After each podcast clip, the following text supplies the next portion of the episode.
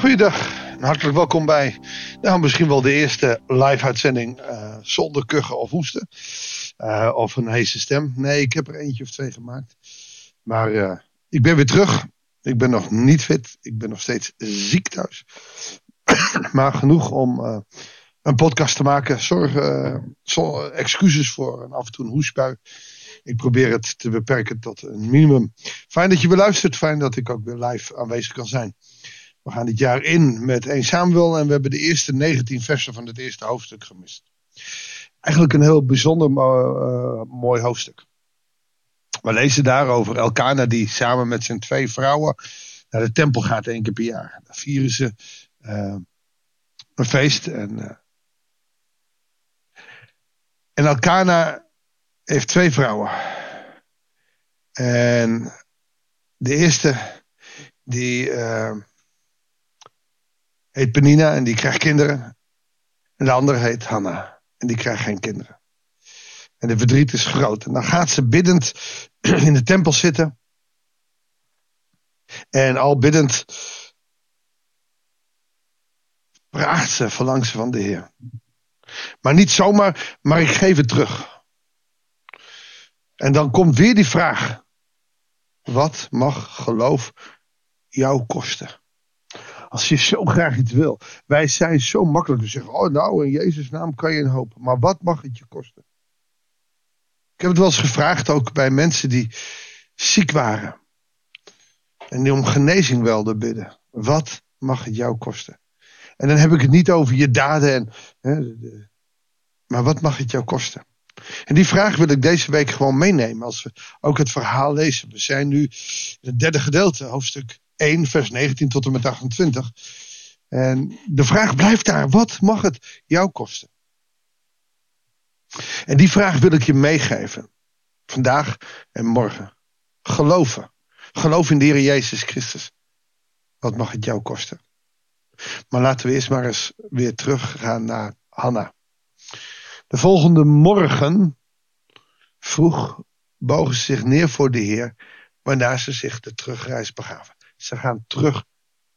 Thuis in Rama betekent bitterheid. Dat is, kennen we het verhaal van Rut en Naomi.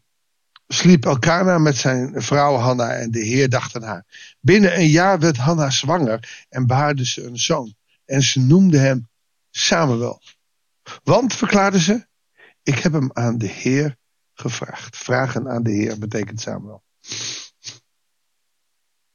Toen Elkana het jaar daarop weer met zijn familie op om naar zijn jaarlijkse offer te brengen, wilde hij de gelofte inlossen. Maar Hanna ging niet mee. Ze zei tegen haar man: Pas als het kind van de borst is, zal ik hem brengen. Dan zal hij voor de Heer verschijnen en daarvoor altijd blijven. Want dat had ze beloofd. Zij gaat letterlijk haar kind teruggeven aan de Heer. Als je kinderen doopt of opdraagt, dan geef je symbolisch terug aan God. Hier Hanna een stukje verder. Zij geeft letterlijk haar kind terug aan de Heer. Maar eerst niet. Eerst moet het van de bos zijn. Nou mag je weten dat in die tijd um, de bosvoeding ongeveer drie jaar duurde. Dus met dit jaar erbij zal hij drieënhalf, vier jaar zijn geweest voordat ze de eerste keer meebracht naar de tempel. Ze heeft een paar jaar van hem kunnen genieten. Dan nog. Ga je echt een vierjarig kind achterlaten? Wat Elkana beantwoordt is ook goed. Doe maar wat jij het beste vindt. Dat is uniek. Elkana is een unieke man. Waarom? Hij is niet die autoritaire, arrogante man die zegt: Nee, weet komen jij. Nee, doe maar wat jij het beste vindt. Laat je hart spreken. Blijf thuis zolang je hem zelf nog voelt. Mogen de Heer zijn belofte waarmaken. Anna bleef dus thuis en voedde haar zoon tot ze hem van de borst nam. Dus, zeg maar die drie jaar. Zodra ze hem niet meer zelf voeden, nam ze mee naar Silo en bracht hem, zo jong als hij was, naar het heiligdom van de Heer. Ze had ook een driejarig stier. Je ziet Elkana even niet mee. Je ziet haar nu heel persoonlijk een offer brengen. En dat is een heel groot offer. Niet dat, niet dat stier. Maar Overigens een driejarig stier, dus om en bij dezelfde leeftijd als Samuel. Maar het offer dat zij haar kind wegbrengt. En het mooie is dat je hier elkaar even niet ziet. Dat het hier gaat over, over Hanna. Want het gaat in jouw geloof. Niet over wat jouw buurman doet. Niet over wat jouw partner doet. Maar wat jij doet. Niet over wat mag het de ander kosten. Oh nou, nou die mensen kunnen wel missen. Die kunnen wel. Nee, wat mag het jou kosten? Wat mag geloven jou kosten? Niet je ouders. Niet je partner, niet je vrienden, niet die vreemdeling die in de straat woont, maar jij. Je kunt er niet omheen. De vraag die Hanna over zichzelf stelt. Het wordt persoonlijk. Hanna maakt geloven persoonlijk. Jezus vraagt ons ook ons leven af te leggen en alles voor Jezus over te hebben. En dat willen we ook. Op zondag in de kerk. Maar op maandag, als we thuis zijn, Opeens zitten we weer met onszelf. Wat mag het mij kosten? Ze slachten de stier en brachten de jongen naar Eli. Hanna zei: Neem me niet kwalijk, heer, zo waar u leeft. Ik ben die vrouw die destijds hier tot de Heer heeft gebeden. Dat was in een dronken status, dacht Eli, omdat ze prevelde. Ze bad anders dan die mensen. Want je deed het hardop om te laten zien wie je was en hoe goed je was. Maar niet Hanna. Ze was niet dronken. Zij was een ongelooflijk gelovig mens.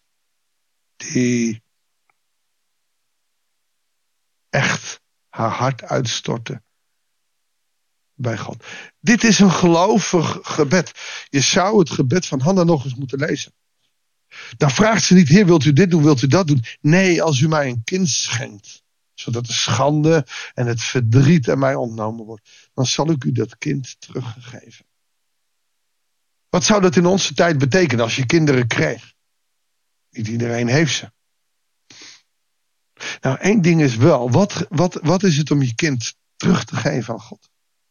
Dat is hem de dingen van Jezus bijbrengen. Is hem bij Jezus brengen is een kind opdragen, letterlijk opdragen aan God. Niet meer achterlaten in de tempel of in de kerk of waar dan ook. Is zelf de opvoeding doen, maar met Jezus, voor Jezus en door Jezus.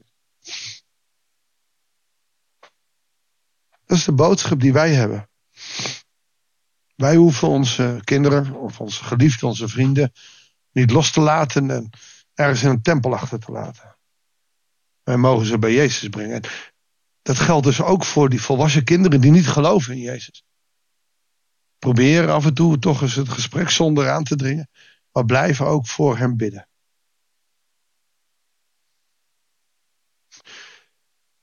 Tegen Eli zegt ze nog: Om deze zoon heb ik gebeden en de Heer heeft mij gegeven waar ik om gevraagd heb. Nu geef ik hem op mijn beurt aan de Heer. Voor alle dagen die hem gegeven zijn. Toen knielde de jongen daar voor de Heer. Zo jong als hij was, max vier, knielt hij daar voor God neer. Hij heeft van zijn moeder gehoord dat hij voor de Heer zal zijn. Moet dat een ontzettend teder, mooi, maar ook moeilijk moment zijn geweest. Maar Hanna doet wat ze zegt. Dat dat is fantastisch. Hanna zou zo'n geloofsheld kunnen zijn als je al in helden gelooft. Zullen we bidden? Heere God, de vraag wat, wat het mij mag kosten doet me zeer. Ook al heb ik niet veel, ik zal mijn kinderen niet zomaar naar de kerk brengen en daar laten. Ik vind het moeilijk om los te laten. Heer, wilt u, wilt u ons helpen om te worden als Hanna? Om niet vast te houden aan wat de wereld ons geeft. Niet vast te houden aan dat alles wat we van u krijgen. Maar dat we vasthouden aan u. Onze God. Voorlopen jaar, aan het eind van het jaar, hebben we openbaring gelezen. We zien wat er gebeurt als, als we vasthouden aan onszelf, ons eigen gelijk. Dan zullen we bij de onrechtvaardigen horen. Heer, leer ons door de kracht van uw Heilige Geest iedere dag iets meer los te laten. En u de leiding te laten hebben in ons leven. Help ons om het goede te doen. En het verkeerde te laten. En ons te richten op u. Om zo dicht bij u te leven. Want zonder u, Heere God, kunnen we niet. Zonder u willen we niet. Dat bidden wij u in de machtige naam van ons Heer Jezus Christus. Amen. Nou, dan weet je dat je weer wat fitter bent en dat je de podcast maakt. Ja, je luistert. Meteen een pittige opdracht. Wat mag het jou kosten? En dan gaat het nog niet eens om je geld, weet je dat. Ik wens je een hele goede dag en heel graag tot de volgende uitzending van het Bijbelsdagboek.